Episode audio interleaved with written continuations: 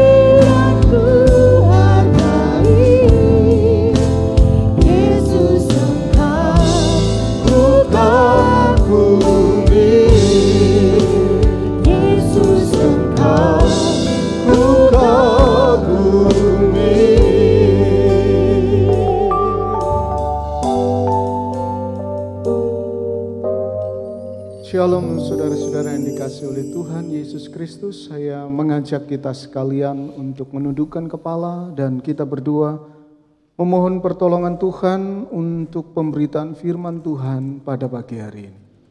Mari kita tundukkan kepala dan kita berdoa. Di tengah-tengah segala kesulitan yang sedang terjadi menimpa seluruh bumi ini ya Tuhan.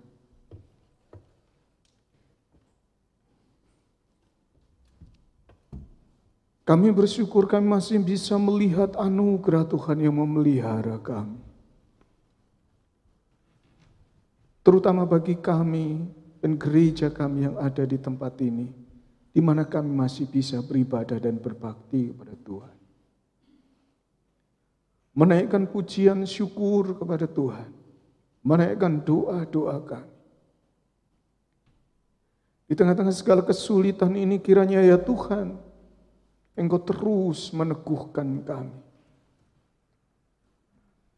Untuk kami terus bisa bergerak dan ter, tidak terjebak dalam kediaman. Kami terus bisa bergerak untuk menggenapkan tujuan-tujuan Allah yang telah Allah tetapkan untuk diri kami dan untuk orang-orang di sekitar kami yang harus kami kerjakan. Kiranya Bapak di surga Engkau menolong kami. Mulai pemberitaan firman Tuhan pagi hari ini. Agar firman-Mu sungguh-sungguh menolong kami. Untuk kami beroleh kekuatan. Untuk terus bergerak. Menggenapkan rencana-rencana Tuhan. Walau di tengah segala kesulitan yang menimpa kami. Sertai hambamu yang penuh dengan keterbatasan ini Tuhan. Urapi dengan roh kudus Tuhan. Urapi seluruh jemaat Tuhan. Sehingga kami pun, semua kami, bisa menerima kebenaran firman Allah. Memberkati kami, menguatkan kami. Menyerahkan pemberitaan firman Tuhan ini di dalam nama Tuhan Yesus Kristus. Amin. Saudara-saudara yang terkasih dalam nama Tuhan Yesus Kristus, kepada Bapak Gembala dan Majelis saya ucapkan terima kasih untuk kesempatan yang berikan pada saya untuk bisa menyampaikan pemberitaan firman Tuhan pada pagi hari ini. Nah, kita tetap bersyukur karena Tuhan masih memberikan kita kesempatan segala sarana prasarana yang baik di mana kita masih bisa beribadah dan berbakti kepada Tuhan. Tak lupa saya mengucapkan sekeluarga kami mengucapkan selamat tahun baru Imlek untuk kita yang merayakannya. Dan juga hari ini bertepatan dengan Valentine. Ini acara yang baik, tapi di rasa yang sangat berbeda. Nah saudara, Imlek dirasakan paling berbeda mungkin tahun ini ya. Tidak tahu dalam sejarah saudara, ini Imlek yang berbeda, ini Valentine yang berbeda. Nah saudara-saudara, saya pernah tinggal di Pontianak uh, beberapa tahun. Saya kurang lebih ada 9 tahun di Kalimantan Barat, tapi di, khusus di kota Pontianak uh, kurang lebih tiga tahun di sana.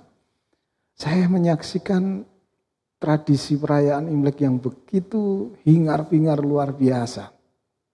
Banyak sekali.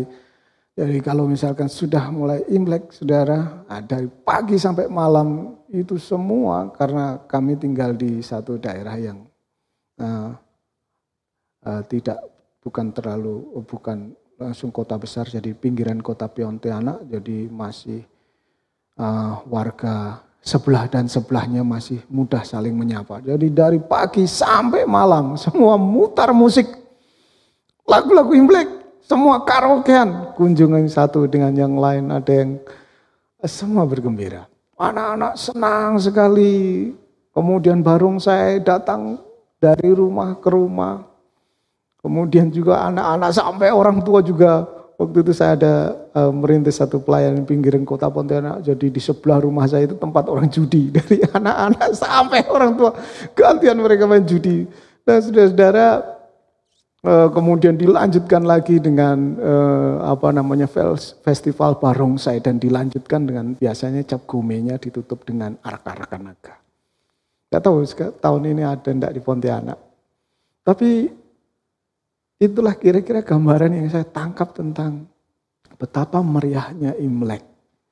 Jadi saat ini sunyi sepi ya, saudara ya. Sunyi sepi. Tapi ya inilah kondisi kita. Nah saudara-saudara yang dikasih oleh Tuhan Yesus Kristus. Tapi biarlah kita di tengah-tengah segala kesulitan tetap beriman bahwa Tuhan ada dan menyertai kita. Amin. Nah saudara-saudara yang dikasih oleh Tuhan Yesus Kristus sebelum saya bersama-sama bergabung melayani uh, di Departemen Misi Sinode GKT, saya selama 11 tahun ditugaskan untuk melayani di satu uh, pos uh, PI uh, di bawah GKT Betani Jakarta yang ada di Tangerang. Di Tangerang itu ada dua pos PI GKT Betani, yang satunya daerah Batu Ceper, satunya di Poris.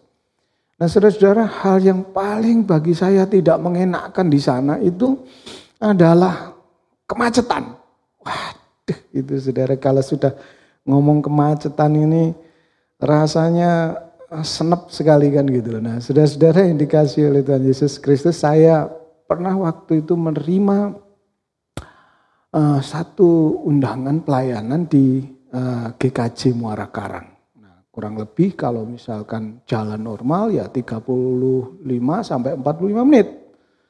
Nah saudara, tapi kemudian saya untuk sampai ke sana saya harus keluar dulu dari Polris. Uh, lewat jalan Daan Mogot. Kalau yang punya bayangannya, kemudian nanti di Cengkareng, belok kiri, ikut kapuk, kemudian uh, terus lurus cari daerah uh, Muara Karang. Nah, saudara cilakanya waktu saya perkirakan ya paling satu jam lah, kena kemacetan sedikit, saya lebihkan satu setengah jam sebelum waktunya saya berangkat. Celaka baru keluar dari perumahan dan kemudian kami di perumahan kami itu harus lewati rel kereta api. Nah itu ada stasiun. Saudara dari situ macet minta ampun benar-benar tidak bergerak. Mau kiri tidak bisa, kanan tidak bisa, mundur juga tidak bisa. Putar balik nggak bisa, benar-benar berhenti. Wah nggak tahu apa masalahnya ini kan gitu. Wah sudah tegang sekali, sudah tegang benar-benar. Saya sudah hampir WA gembalanya, Pak tolong saya nggak bisa sampai. Saya pikir paling jaraknya saudara antara uh, Polri uh, sampai ke Daan Mokot itu dari sini sampai lampu merah di situ. Nah saudara tapi harusnya lima menit. Tapi saya terjebak saat itu setengah jam. Jadi wah, sudah jantungan benar-benar ini sampai atau tidak gitu. Ya, sudah nggak tahu ini kapan tembusnya. Jadi beringsut-ingsut. Tapi akhirnya tembus juga. Nah saudara-saudara uh, hidup kita orang percaya kadang mungkin mengalami kondisi yang seperti itu. Pernah mengalami di mana mungkin kita macet di satu titik. Gak bergerak sama sekali oleh sebuah keadaan, oleh sebuah pergumulan. Tapi saudara-saudara yang dikasih oleh Tuhan Yesus Kristus, kita harus terus bergerak. Tema yang akan kita renungkan pada pagi hari ini adalah keep moving for his love. Terus bergerak bagi cintanya. Nah saudara-saudara yang dikasih oleh Tuhan Yesus Kristus, saya mengajak kita sekalian membuka ayat Alkitab yang menjadi dasar dari renungan kita pagi hari ini. Ayat yang sangat terkenal, Yohanes 3 ayat 16. Ini saya yakin saudara-saudara semua kita sekalian sudah hafal ayat ini. Yohanes 3 ayat 16. Karena begitu besar kasih Allah akan dunia ini, sehingga ia telah mengaruniakan anaknya yang tunggal supaya setiap orang yang percaya kepadanya tidak binasa melainkan beroleh hidup yang kekal. Sekali lagi, karena begitu besar kasih Allah akan dunia ini sehingga ia telah mengaruniakan anaknya yang tunggal supaya setiap orang yang percaya kepadanya tidak binasa melainkan beroleh hidup yang kekal. Nah, saudara seperti saya ceritakan tadi, saudara, uh, hal yang menarik yang uh, apa uh, saya alami dalam uh, uh, pergumulan saya waktu melayani, mau berangkat pelayanan di Muara Karang itu, saudara, ini menjadi satu yang benar-benar saya ingat. Setelah itu tidak tahu apa yang menjadi persoalan, akhirnya diberesin macetnya ternyata di Daan Mogot ada uh, kecelakaan atau apa akhirnya diberesin dan akhirnya mulai beringsut bisa jalan. Nah, hidup orang percaya ini kita yakin bahwa Tuhan menetapkan tujuan-tujuan yang sangat khusus bagi diri kita dan melalui diri kita. Sudah sekali lagi bahwa Tuhan memiliki tujuan-tujuan yang sangat khusus bagi diri kita dan melalui diri kita. Sudah ada rancangan-rancangan Tuhan, ada tujuan-tujuan Tuhan yang ingin digenapkan di dalam hidup kita dan melalui kita. Ada hal baik yang Allah rancangkan untuk digenapkan dalam diri kita. Ada hal baik yang kemudian ingin Allah kerjakan melalui kita. Bagi siapa? Bagi keluarga kita. Bagi siapa? Bagi pekerjaan kita. Bagi siapa? Bagi gereja kita. Bagi siapa? Bagi masyarakat kita. Tuhan memiliki tujuan yang ingin dikerjakan dalam diri dan melalui kita. Saudara-saudara yang dikasih oleh Tuhan Yesus Kristus, namun yang menjadi persoalan adalah sering kali perjalanan kita itu terhambat. Seringkali perjalanan kita itu tersendat. Maka saudara-saudara yang dikasih oleh Tuhan Yesus Kristus yang harus kita lakukan adalah kita harus menghilangkan penghambat itu. Nah saudara hari ini kita akan melihat firman Tuhan mengajarkan kepada kita bagaimana, sekali lagi bagaimana kasih Allah itu menolong kita keluar dari kondisi-kondisi yang terhenti dalam perjalanan hidup kita. Dan kemudian kita bisa terus bergerak. Kasihnya itu menolong kita, kasihnya itu menjadi kekuatan yang membebaskan kita dari keadaan-keadaan yang berhenti, keadaan-keadaan yang stuck. Untuk kita terus bisa bergerak, menggenapkan tujuan-tujuan yang telah Tuhan tetapkan untuk diri dan melalui diri kita. Nah saudara-saudara yang dikasih oleh Tuhan Yesus Kristus. Kenapa pertanyaannya, kenapa kemudian kasih itu, sekali lagi, kasih itu menjadi kekuatan yang bisa menjadikan kita bisa terus bergerak. Yang pertama saudara ini menarik ayat yang kita baca tadi. Karena kasihnya itulah yang kemudian menjadikan atau memberikan kita hidup. Kasihnya itu memberikan kita hidup. Saudara pada saat pada saat saudara orang itu tidak hidup maka dia tidak bergerak. Maka kemudian saudara-saudara yang dikasih oleh Tuhan Yesus Kristus yang menjadi persoalan kenapa tujuan-tujuan Allah itu tidak tergenapkan dalam hidup kita dan kita tidak dapat melakukan tujuan-tujuan Allah bagi orang-orang yang ada di sekitar kita, bagi tanggung-tanggung jawab yang ditetapkan oleh Tuhan kepada kita, bisa jadi apakah kita ada dalam keadaan kematian. Nah saudara firman Tuhan tadi mengatakan karena begitu besar kasih Allah akan dunia ini sehingga ia mengaruniakan anaknya yang tunggal supaya setiap orang percaya kepadanya tidak binasa melainkan beroleh hidup yang kekal. Ayat ini bagian dari rangkaian percakapan Tuhan Yesus dengan Nikodemus. Malam-malam hari seorang Nikodemus, guru orang Yahudi datang kepada Tuhan Yesus dan kemudian bercakap-cakap dengan dia. Percakapan itu diawali dengan pujian atau pengakuan seorang Nikodemus terhadap pelayanan Tuhan Yesus. Engkau adalah guru yang diutus oleh Allah. Karena tidak mungkin engkau tidak diutus Allah kalau engkau melakukan tindakan-tindakan yang tanda-tanda yang luar biasa ini. Engkau pasti adalah guru yang diutus oleh Allah. Menariknya Tuhan Yesus tidak ingin terjebak di dalam larutan pujian ini. Tuhan Yesus langsung ingin mengajak si Nikodemus membuka cakrawala pikir dia tentang hal-hal rohani. Yaitu tentang kelahiran baru. Dalam percakapan terus itu, dalam beberapa percakapan tanya jawab tanya jawab, Nikodemus belum bisa memahami. Sampai akhirnya Tuhan Yesus mengambil sebuah contoh yang terdapat di dalam bilangan pasal 21 ayat 4 sampai dengan 9. Sebuah cerita di mana waktu itu Musa mendirikan satu ular tembaga yang diberikan tiang Kenapa dia dirikan? Ini atas perintah Tuhan. Karena waktu itu orang-orang Israel memberontak kepada Tuhan, memberontak kepada Musa, melawan Musa.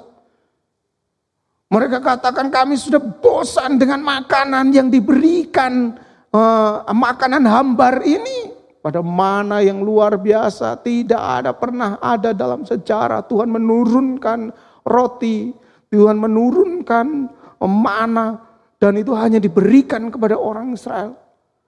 Pemeliharaan Tuhan demikian luar biasa, namun orang Israel tidak puas. Mereka mengata-ngatai Musa. Engkau membawa kami ke padang gurun ini untuk dibinasakan. Mereka melawan Tuhan dan mereka melawan hambanya yaitu Musa. Eh, Tuhan memberikan ular-ular, menyuruh ular-ular tudung memakut mereka, memakut mereka, memakut mereka. Banyak orang Israel mati. Akhirnya mereka berteriak, berseru-seru pada Tuhan melalui Musa. Ini dosa kami, tolong kami. Dan luar biasanya, kasih Tuhan luar biasa. Tuhan berkata kepada Musa, buatlah ular tembaga, dirikan dalam di atas sebuah tiang. Supaya orang yang terpagut oleh ular dan melihat ular tembaga itu maka kemudian dia menjadi hidup. Nah saudara-saudara, dari sana Tuhan Yesus membuka cakrawala pikir seorang Nikodemus. Ini loh, kondisi manusia itu sebenarnya sesungguhnya seperti ini. Tuhan memiliki tujuan dan rancangan indah seperti Tuhan memiliki tujuan dan rancangan untuk orang Israel untuk membawa mereka ke tanah kanaan, tanah perjanjian, tanah berkat. Tapi kemudian manusia ini penuh dengan pemberontakan. Mereka berdosa kepada Allah sehingga dosa itu menjadikan mereka ada dalam keadaan kutuk dan kutuk itu mendatangkan kematian.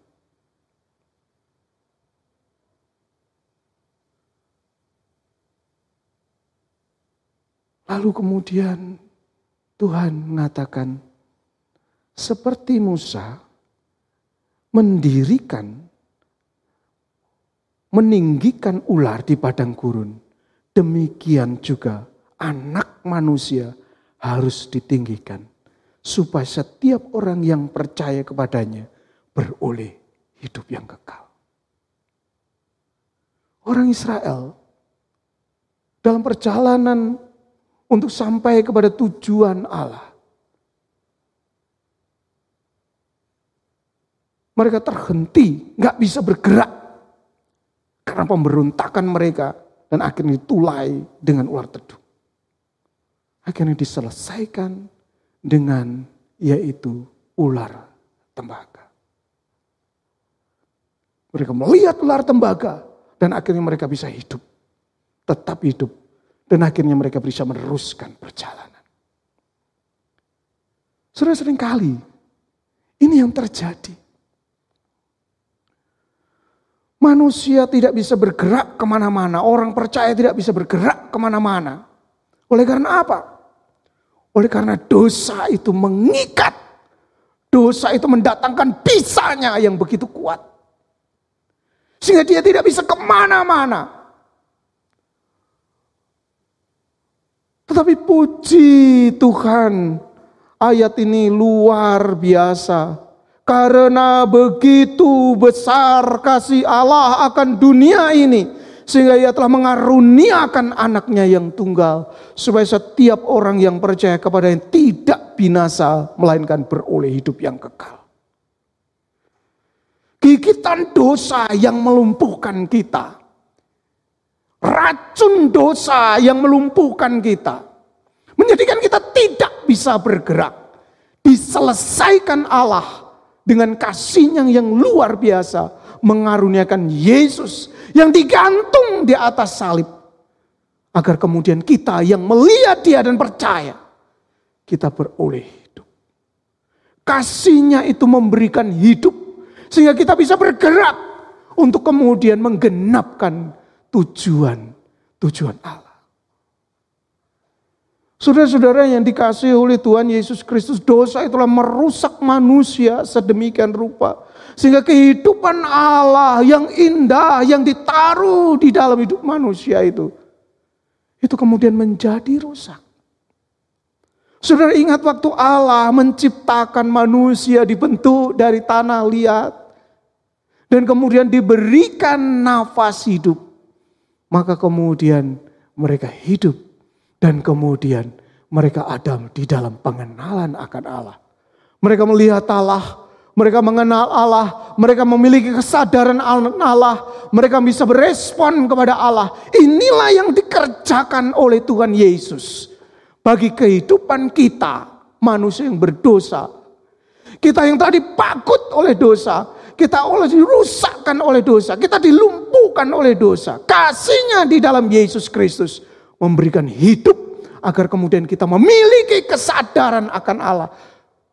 Memiliki respon kepada Allah. Memiliki pengetahuan kepada akan Allah.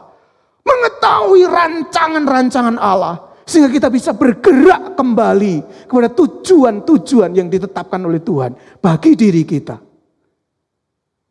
Dan juga bagi orang-orang yang ada sekitar kita melalui diri kita. Nah saudara-saudara yang dikasih oleh Tuhan Yesus Kristus, betapa luar biasa. Bahwa kasihnya itu menjadikan kita bisa terus bergerak. Saat ini mungkin kita terhenti dalam perjalanan rohani kita. Mari pandang kepada Yesus. Tujuan-tujuan Allah yang indah, Tuhan ingin hidup kita berarti. Hidup kita berharga. Kita semakin menyerupai Kristus. Itulah tujuan Allah. Dan Allah ingin kita bergerak terus ke sana. Allah ingin tujuannya bagi keluarga kita digenapkan juga melalui kita. Saudara sebagai suami, saudara sebagai istri, saudara sebagai anak, saudara sebagai orang tua. Allah ingin menggenapkan rancangannya yang agung dalam keluarga saudara. Tapi dosa ingin terus menghambat kita. Pandanglah kepada salib itu. Yang adalah merupakan ungkapan kasih Allah. Yang begitu besar. Menjadikan kita beroleh agar kemudian kita bisa berjalan kembali kepada tujuan tujuan Allah. Allah memiliki tujuan yang indah melalui engkau di tengah-tengah pekerjaan. Allah ingin engkau menjadi berkat di tengah-tengah pekerjaan. Tapi dosa sering kali menghambat. Dosa seperti ular yang memakut saudara memakut saudara. Sehingga saudara tidak bisa bergerak. Lama-lama menjadi lumpuh. Dan akhirnya benar-benar mati. Pandanglah kepada salib Kristus. Ingatlah kepada salibnya. Di mana Allah mencurahkan kasihnya pada kita. Allah juga ingin memakai setiap saudara, saya saudara. Menggenapkan tujuan-tujuan Allah bagi gerejanya. Tapi sering kali kita terhambat. Pandanglah kepada salibnya. Tuhan ingin menggenapkan tujuan-tujuan yang indah melalui saudara. Bagi masyarakat ini. Tapi itu juga ingin dihambat oleh iblis. Kepedulian saudara kepada orang-orang di sekitar sudah dimatikan oleh iblis. Oleh dosa itu. Maka perhatikan saudara. Mari hari ini kita kembali membuka hati. Membuka pikir. Membuka jiwa. Ingatlah akan kasih Allah. Kasih itu sudah memberikan engkau kehidupan. Kasih itu sudah memberikan saya kehidupan. Untuk kita kembali bisa bergerak. Nah yang kedua saudara menarik sekali bahwa mengapa kasih itu bisa menolong kita untuk terus bergerak. Yang kedua karena kasihnya itu memberikan kita kuasa untuk menjadi anak-anak Allah. Kasih itu menjadi, memberikan kita kuasa untuk kita menjadi anak anak Allah. Nah, sudah-sudah yang dikasih oleh Tuhan Yesus Kristus dalam Yohanes yang pasal yang pertama ayat 11 sampai 13. Ia datang kepada milik kepunyaannya tetapi orang-orang kepunyaan tidak menerimanya. Orang Israel. Mereka tidak menerima Yesus Kristus. Tapi semua orang yang menerimanya diberinya kuasa supaya menjadi anak-anak Allah yaitu mereka yang percaya dalam namanya. Orang-orang yang diperanakkan bukan dari darah atau daging, bukan pula secara jasmani oleh keinginan seorang laki-laki melainkan dari Allah.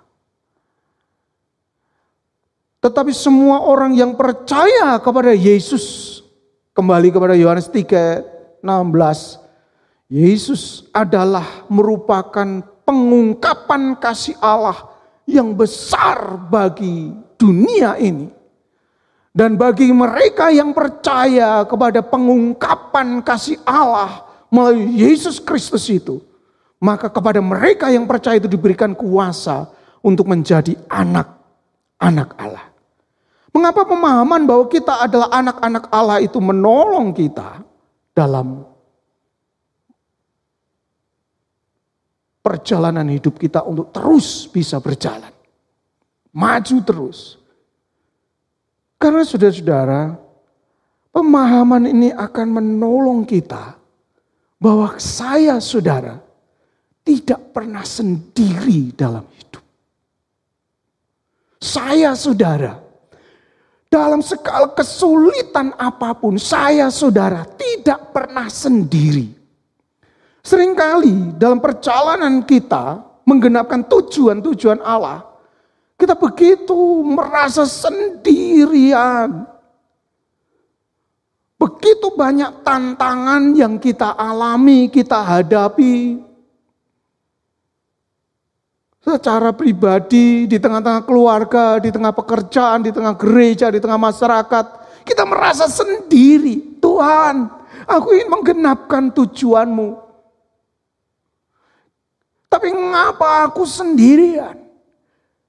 Sudah perhatikan, bagi mereka yang percaya kepada Yesus, kepada mereka diberikan kuasa untuk menjadi anak-anak Allah. Diberikan kuasa atau diberikan hak sebagai anak-anak Allah. Diberikan status sebagai anak-anak Allah. Ini membuka cakrawala pikir dan kesadaran kita bahwa saya saudara di tengah segala kesulitan, di tengah-tengah pergumulan menggenapkan tujuan-tujuan Tuhan. Dalam kita berjalan terus untuk menggenapkan tujuan-tujuan Tuhan, kita tidak sendiri karena kita adalah anak-anak Allah. Ada Bapa yang senantiasa menyertai kita. Bahkan saudara-saudara waktu Tuhan Yesus sebelum dia naik surga dia katakan, Aku tidak meninggalkan engkau sebagai yatim piatu. Aku akan mengirimkan penolong yang lain. Saudara-saudara, siapa penolong yang lain itu? Itulah roh kudus. Hal ini ditegaskan di dalam Roma pasal yang ke-8. Barang siapa dipenuhi oleh roh Allah, dia adalah anak-anak Allah. Dan roh itu, orang-orang itu akan berseru, Ya Aba, Ya Bapa. Saudara perhatikan baik-baik pergumulan kita untuk berjalan terus menggenapkan tujuan-tujuan Tuhan. Kadang terhenti oleh beratnya beban, beratnya pergumulan, besarnya tantangan. Tapi hari ini kita perhatikan bahwa kasihnya itu melalui Yesus Kristus yang kita percaya itu menjadikan kita anak-anak Allah yang tidak lagi berjalan sendiri. Bahkan sebagai anak-anak Allah, saya anak-anak Allah, saudara anak-anak Allah, kebenaran ini membuka pemahaman kita bahwa selain Allah Bapa itu senantiasa siap mendengar seruan kita. Bahkan dia mengutus roh kudus menyertai kita setiap saat. Kita juga memiliki saudara-saudara yang lain di sekeliling kita. Sama-sama anak-anak Allah. Kasihnya itu tidak hanya menyatukan kita dengan Allah Kasihnya itu juga menyatukan kita dengan saudara-saudara yang lain. Sesama anak-anak Allah. Inilah yang menjadikan kita bisa terus bergerak. Kita tidak menyerah pada segala tantangan. Karena apa? Karena kita punya Bapa yang siap kapan pun kita berseru, Ya Aba, ya Bapa. Bahkan saudara dia juga telah mengutus roh kudusnya. Yang senantiasa menyertai kita sebagai penolong. Yang bahkan mungkin dalam beratnya pergumulan. Dia juga akan berdoa dengan seruan-seruan yang tak terkatakan. Tidak hanya itu. Tidak hanya itu. Tidak hanya itu. Kita memiliki saudara-saudara sesama anak-anak Allah untuk terus bersama-sama bergerak, terus maju menggenapkan tujuan-tujuan Tuhan. Nah, saudara-saudara yang dikasih oleh Tuhan Yesus Kristus. Pandemi ini mungkin menjadi pergumulan tersendiri bagi kita. Kesulitan yang luar biasa bagi kita. Tapi ingatlah bahwa di tengah-tengah segala kesulitan ini, di tengah-tengah segala kesulitan ini, ada kasih Allah yang begitu besar. Memberikan kita hidup dan memberikan kita kuasa. Kuasa atau hak sebagai anak-anak Allah. Yang kemudian tidak perlu merasa sendiri. Tapi juga kuasa itu menolong, memampukan kita sebagai anak-anak Allah untuk memberikan kita kemampuan menggenapkan tujuan-tujuan Tuhan. Roh yang diberikan Allah sebagai tanda bahwa kita ada anak-anak. Roh itu juga memberikan pemberian-pemberian, karunia-karunia yang memampukan kita untuk sanggup menggenapkan tujuan-tujuan Tuhan. Hari ini saudara, apakah saudara ada dalam keadaan baik-baik dan engkau masih bergerak terus kepada tujuan-tujuan Allah? Puji Tuhan. Saya bersyukur untuk itu. Atau apakah saudara saat ini terengah-engah kelelahan, merasa sendiri, saudara jatuh terkapar dalam perjalanan, saudara ingin menggenapkan tujuan-tujuan Allah. Atau yang ketiga, yang paling celaka, saudara diam di tempat, tidak bergerak sama sekali. Hari ini kita diingatkan. Mari terus bergerak. Karena kasihnya itu memberikan kehidupan dan kuasa. Biarlah hari ini saudara kita membuka hati, membuka pikir, membuka jiwa. Kembali merasakan mengalami kasih Allah. Saya mengajak kita menundukkan kepala dan kita berdoa.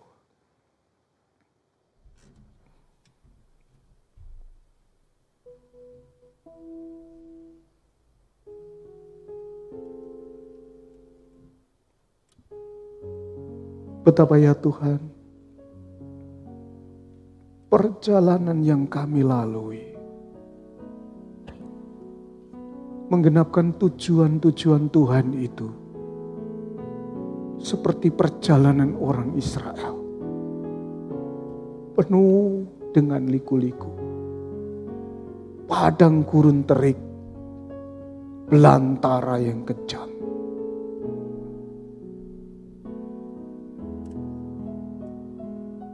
Bahkan di tengah-tengah kesulitan pandemi ini pergumulan itu menjadi bertambah-tambah rasanya. Kesulitan kami bertambah-tambah rasanya. Tapi hari ini ya Tuhan, kami bersyukur Engkau mengingatkan kami. Bekasihmu itu demikian besar. Terlalu besar. Untuk kami bisa pikir pikirkan. Untuk bisa kami tampung dengan akal kami yang terbatas. Untuk kami bisa hitung dengan perhitungan kami yang sangat terbatas. Kasihmu itulah yang memberikan kami hidup. Kasihmu itu yang memberikan kami kuasa. Sehingga kami bisa terus bergerak. Menggenapkan tujuan-tujuan Tolong Tuhan, biarlah rohmu berbicara demikian kuat dalam hati kami hari ini. Bahwa kami adalah anak-anak Allah. Bahwa kami memiliki hidup yang kekal. Hidup yang Allah berikan.